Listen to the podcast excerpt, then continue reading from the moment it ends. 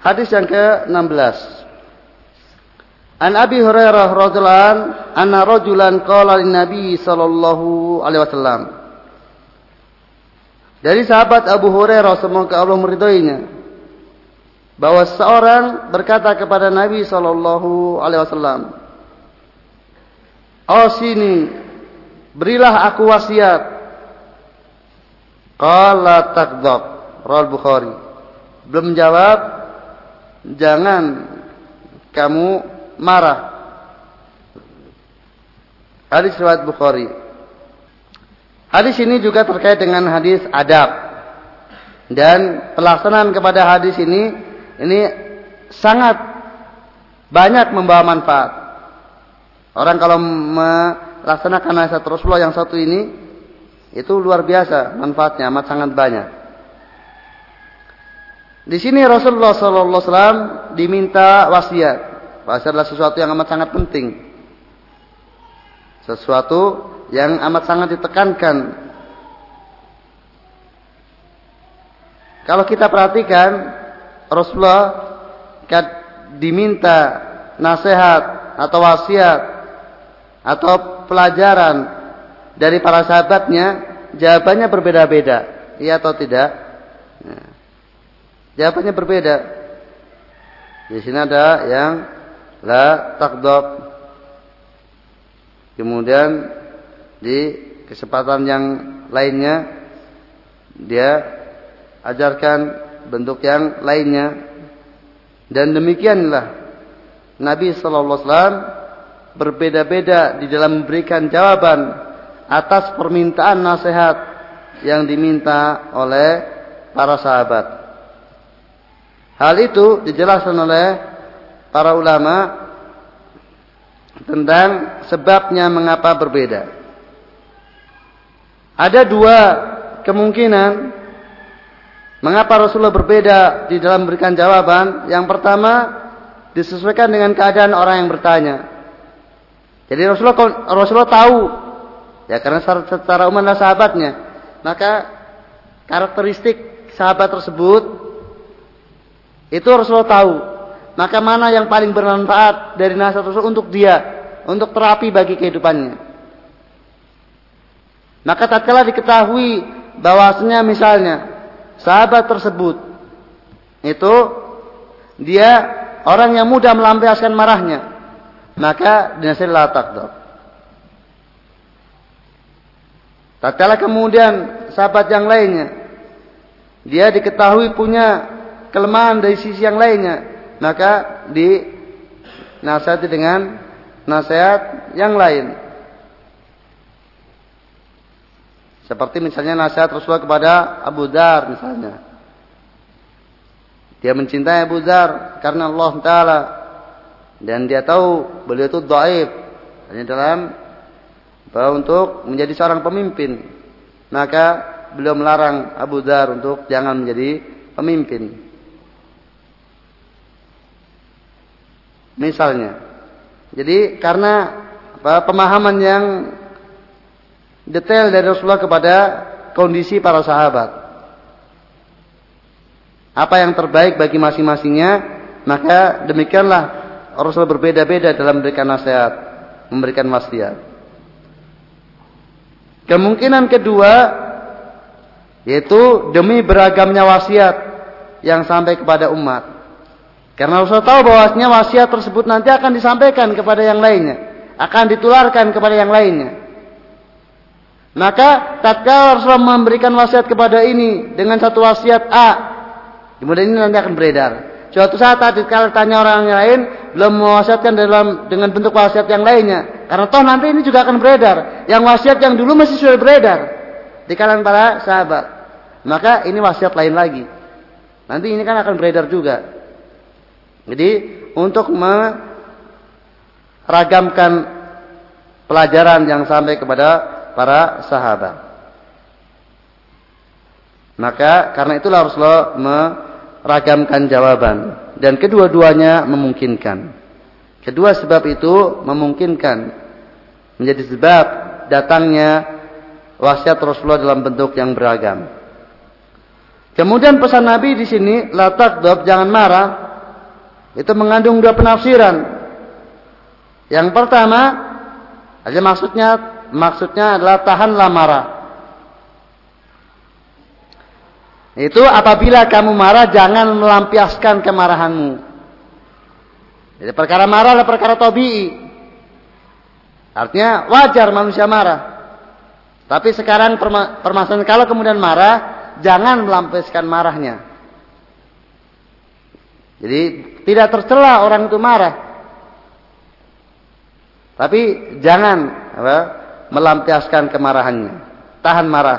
Maka yang pujian dari Allah adalah katmul ghaid, menahan marah. Bagaimana firman Allah wasari'u ila maghfiratin rabbikum wa jannatin arduha samawati wa jannatin arduha samawatul ard uiddat lil muttaqin alladzina alladzina alladzina yunfikuna fi sarai wad dharai wal kadhimina ghaid wa afina 'anil nas. Itu disebutkan kadhimina ghaid yang menahan terhadap marah. Jadi dia menahan marah, mampu mengendalikan marahnya sehingga tidak melampiaskan marahnya. Maka laisa sadid bukanlah orang yang kuat itu orang yang mampu mengalahkan lawan gulatnya. Itu bukan yang sadid yang hakiki. Sadid syar'i itu bukan yang seperti itu. Tetapi yang mampu apa? menahan marah itu as-sadid. Itulah orang yang kokoh, yang kuat jiwanya. Bagaimana dia dalam keadaan marah, dia bisa menahan marahnya sehingga tidak melampiaskan marahnya. Itulah. Maka sekedar marah tidak tercela. Tapi melampiaskan marah itu yang tercela. Atau penafsiran yang kedua menghindarkan diri dari sebab-sebab yang mendatangkan kemarahan. Jadi kalau kemudian dia terbiasa kalau apa dia guyoni kemudian marah, ya jangan me, apa, menyiapkan diri ke dalam hal-hal yang bisa mendatangkan guyon di dalamnya, kemudian dia tersinggung, kemudian marah. Jadi apa saja sarana-sarana yang bisa mendatangkan dia marah maka jauhkan dari dirinya agar supaya dia tidak marah. Itu dua penafsiran dari la takdab. Kemudian terapi tatkala menghadapi marah ada beberapa terapi yang disarankan oleh syariat di antaranya lah duduk jika ketika marah dia dalam keadaan berdiri bukan sebaliknya. Tatkala dia duduk kemudian justru berdiri maka sudah. Kalau marahnya tadinya duduk kemudian berdiri maka sebentar lagi tangannya mesti akan jalan. Kemudian kakinya. Kemudian mulutnya. Tapi kalau kemudian dia tadinya berdiri kemudian duduk, nah perubahan keadaan tersebut apa? Ini apa akan membuat dia melemah juga tensinya. Kemudian mengucapkan kata-kata yang baik. Kalimat thayyibah, subhanallah. Atau innalillah atau astagfirullah dan lain sebagainya untuk kemudian meredam apa, marahnya tersebut. Dan di antaranya juga berwudu. Karena marah adalah dari setan. Maka diharapkan dengan berwudu hilang marahnya. Atau kemudian pergi meninggalkan apa? Meninggalkan apa? Suasana yang mendatangkan marah tersebut. Meloyor pergi saja. Gitu. Karena kalau kemudian masih kelihatan maka pergi tinggalkan tempat tersebut. Inilah nasihat-nasihat adab dari Rasulullah sallallahu alaihi wasallam. Jadi fahwidin yakum tatkala kita terkena artinya menjalar kepada kita dari berbagai macam hal yang mengantarkan kita melanggar apa nasihat-nasihat Rasulullah sallallahu alaihi wasallam maka ingat pelajaran yang sudah sampai kepada kita. Agar supaya apa? Apa yang sudah sampai kepada kita itu bukan sekedar sebagai wawasan, cakrawala. Jadi sekali lagi ya, diingat bahwasanya tujuan kita belajar itu untuk kemudian perbaikan diri. Jadi prinsipnya kita belajar untuk memperbaiki diri kita. Itu yang menjadi apa, prinsip utama. Jadi bukan untuk apa-apa, untuk memperbaiki diri. Karena kita itu masih terlalu banyak kekurangan. Dan kalau kemudian kita cermati dari hadis demi hadis Nabi SAW dalam bidang akhlak, dalam bidang akidah, maka ternyata sangat banyak hal-hal yang kita itu sangat jauh dari pengajaran dinul Islam. Kita Islam sudah bertahun-tahun. Namun ternyata dinul Islam masih sekedar di buku dan di teori. Belum ada dalam hati kita, dalam ucapan kita dan dalam perilaku kita. Sementara yang menyelamatkan itu adalah kalau sudah berpindah ke dalam diri kita. Islam itu sudah berpindah ke hati kita, ke ucapan kita daripada perbuatan kita. Kalau masih di buku, masih dalam hafalan, itu belum. Kalau kemudian tercermin dalam hati, kemudian dalam perbuatan dan dalam apa, ucapan lesan. Itulah yang akan menyelamatkan kita baik untuk kehidupan kita di dunia maupun di akhirat. Dan kita semuanya tarafnya masih belajar.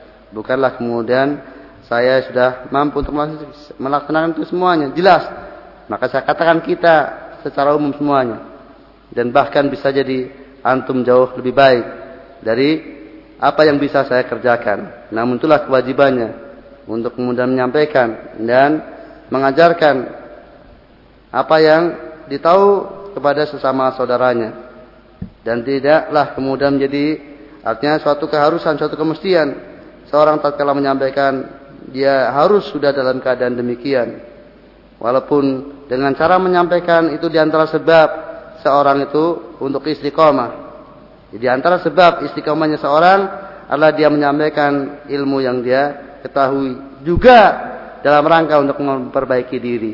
Kalau kemudian dari hasil penyampaiannya tersebut kemudian bermanfaat bagi orang lain, maka itu nikmah wal fadl. Tapi hakikatnya adalah dalam rangka untuk memperbaiki diri. Karena itulah sesungguhnya tujuan utama dari kita mempelajari din dan juga menyampaikannya kepada orang lain. Tentang kaifiah dalam proses perajaman ini saya belum mengetahui secara detail maka bisa antum baca di kitab fikih ya. Bagaimana detailnya tentang apa siapa saja apa yang apa merajam berapa jumlah orangnya atau kemudian apa ukuran tepatnya batunya.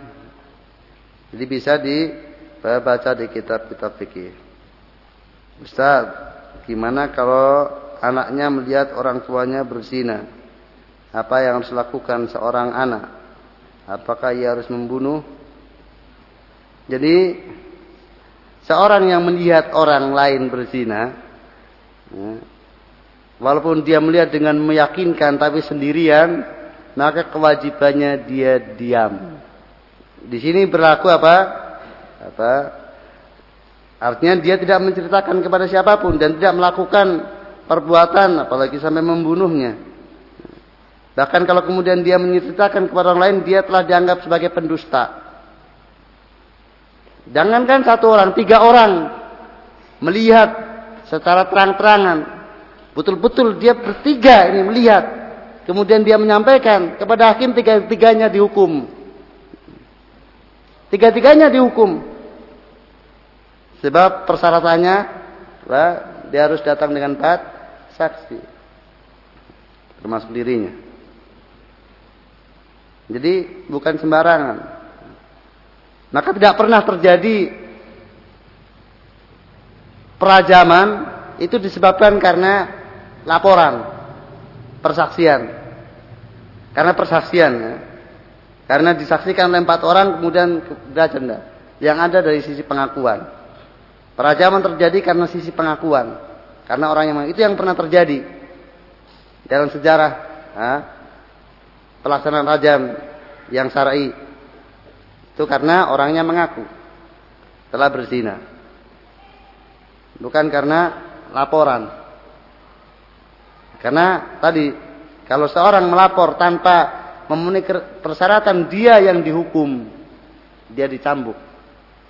dan dianggap sebagai pendusta dan tidak diterima persaksiannya lagi sehingga dia bertobat. Jadi juru dia yang kemudian dihukum kalau kemudian tidak membawa saksi. Jadi kecuali siapa? Suami melihat istrinya berzina. Maka ini ada jalan keluar. Jadi kalau kemudian dia karena bagaimana namanya suami? Ini istrinya. Kalau kemudian berlaku hukum sebagaimana secara umum ini sangat sulit pelaksanaannya. Dan bagaimana dia dengan istrinya? Maka syariat memberikan jalan keluar yaitu mula anak. Jadi kalau kemudian suami bersikeras menuduh istrinya berzina maka yang berlaku bukan dia dianggap menuduh. Maka panggil istrinya kemudian untuk kemudian ngaku atau tidak. Kalau kemudian istrinya tidak ngaku, maka mula anak. Maka di sini berlaku hukum li'an. Jadi saling melaknat antara kedua belah pihak. Kemudian setelah itu diceraikan. Tapi kalau kemudian suaminya rela, ya tidaklah menikah dengan seorang pesina kecuali pesina pula. Karena pesina haram bagi kaum mukminin. Wa hurrima dzalika 'alal mukminin. Dan pesina dan diharamkan yang itu bagi eh, kaum mukminin. Jadi pesina ya menikah dengan pesina pula. Maka orang mukmin yang benar tidak akan pernah rela, tidak akan ridho, tidak akan mau menikah dengan seorang pesina. Namun sekarang luar biasa adat yang ada yang boleh dikatakan kalau muslimin ya muslimin ngakunya. Ada adat yang daripada di madu itu lebih baik suaminya jajan. Ada yang sampai kemudian tatkala baru melahirkan misalnya memberikan sanggup pada suaminya untuk jajan. Untuk kemudian cari tempat lain karena dia baru apa melahirkan. Yang penting punya asal jangan cari apa? Jangan kemudian cari istri. Kalau kemudian jajan silahkan bahkan dikasih. Ini ada. Yang demikian itu. Memang luar biasa parahnya giro apa kecemburuannya sudah hilang. Ustaz, apakah kalau kita telah berbuat zina kita menjaga nama baik, tidak mengakui telah berbuat zina, kemudian bertobat kepada Allah Subhanahu wa taala atau kita mengakuinya dan menerima hukum rajam? Mana yang lebih baik? Jazakallah. Wa iya. Jadi tidak ada syariat untuk kemudian dia mengaku. Ini sampai pun seandainya dia hidup di negara Islam. Berlaku hukum Islam. Apalagi hidup di negara yang tidak berlaku hukum Islam. Maka tidak diperbolehkan untuk kemudian dia apa mengungkapkan tentang aib dirinya tersebut. Dia bercukup bertobat kepada Allah Subhanahu wa taala dengan taubatan nasuha dengan topat yang sesungguhnya, yang sebenar-benarnya. Dan tidak kemudian menceritakan kepada siapa pun.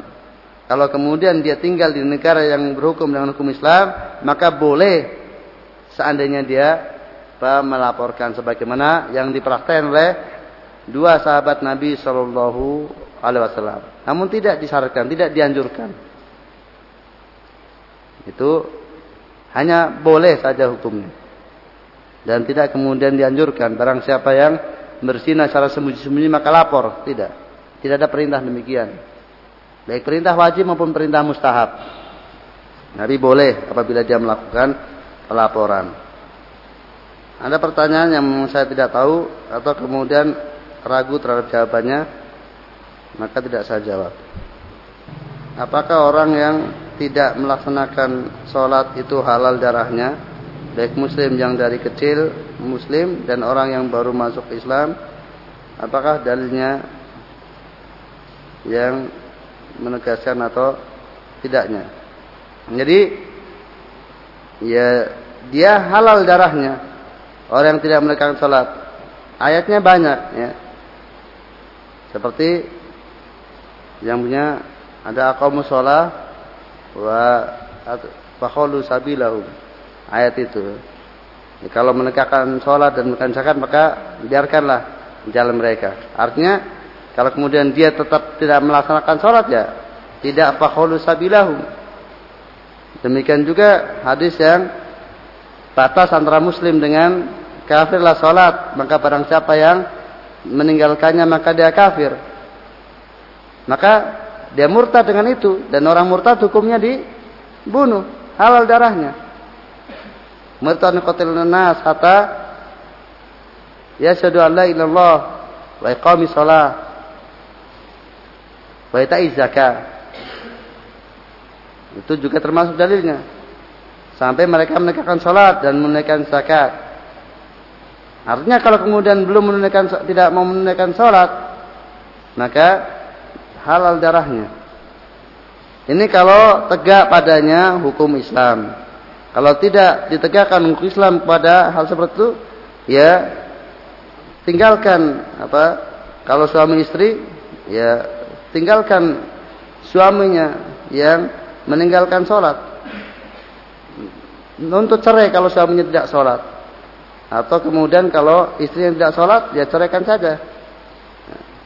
Karena apa? demikianlah orang yang tidak sholat sama sekali dia bukan orang muslim jika membunuh yang tidak sekufu tidak dikisos maka apa hukum yang diberikan kepadanya? Ya diat. Dia membayar diat. Membayar apa tebusan. Nah, diatnya apa satu jiwa itu 100 onta. Nanti apa bagian tubuh yang berpasangan kalau dua-duanya dia lukai ya 100 onta kalau salah satunya 50 onta dan demikian jadi membayar dia kalau kemudian dia apa seperti me, ini khususnya tatkala dia membunuh dengan sengaja Adapun tatkala kemudian tidak dikisos, kalau kemudian dia dimaafkan oleh saudaranya ya sudah. Karena dia dimaafkan. Kalau tidak sekufu ya dia memberikan apa yang semestinya diberikan kepada keluarga yang dibunuh salah satunya. Nah demikian yang hafidin asallallahu yakum. Mudah-mudahan apa yang kita pelajari bermanfaat bagi kita semuanya dan yang terpenting bagi kita kita mohon taufik dari Allah Subhanahu wa taala untuk senantiasa memberkahi apa yang kita pelajari. Allahumma sayyidina wa ma yanfa'una wa anfa'inna sabi ilmina wa lamma rzuqna ilman nafi'a wa amalan mutaqabbala. Subhanakallahumma wa bihamdika asyhadu an la ilaha illa anta astaghfiruka wa atubu ilaik. Assalamualaikum warahmatullahi wabarakatuh.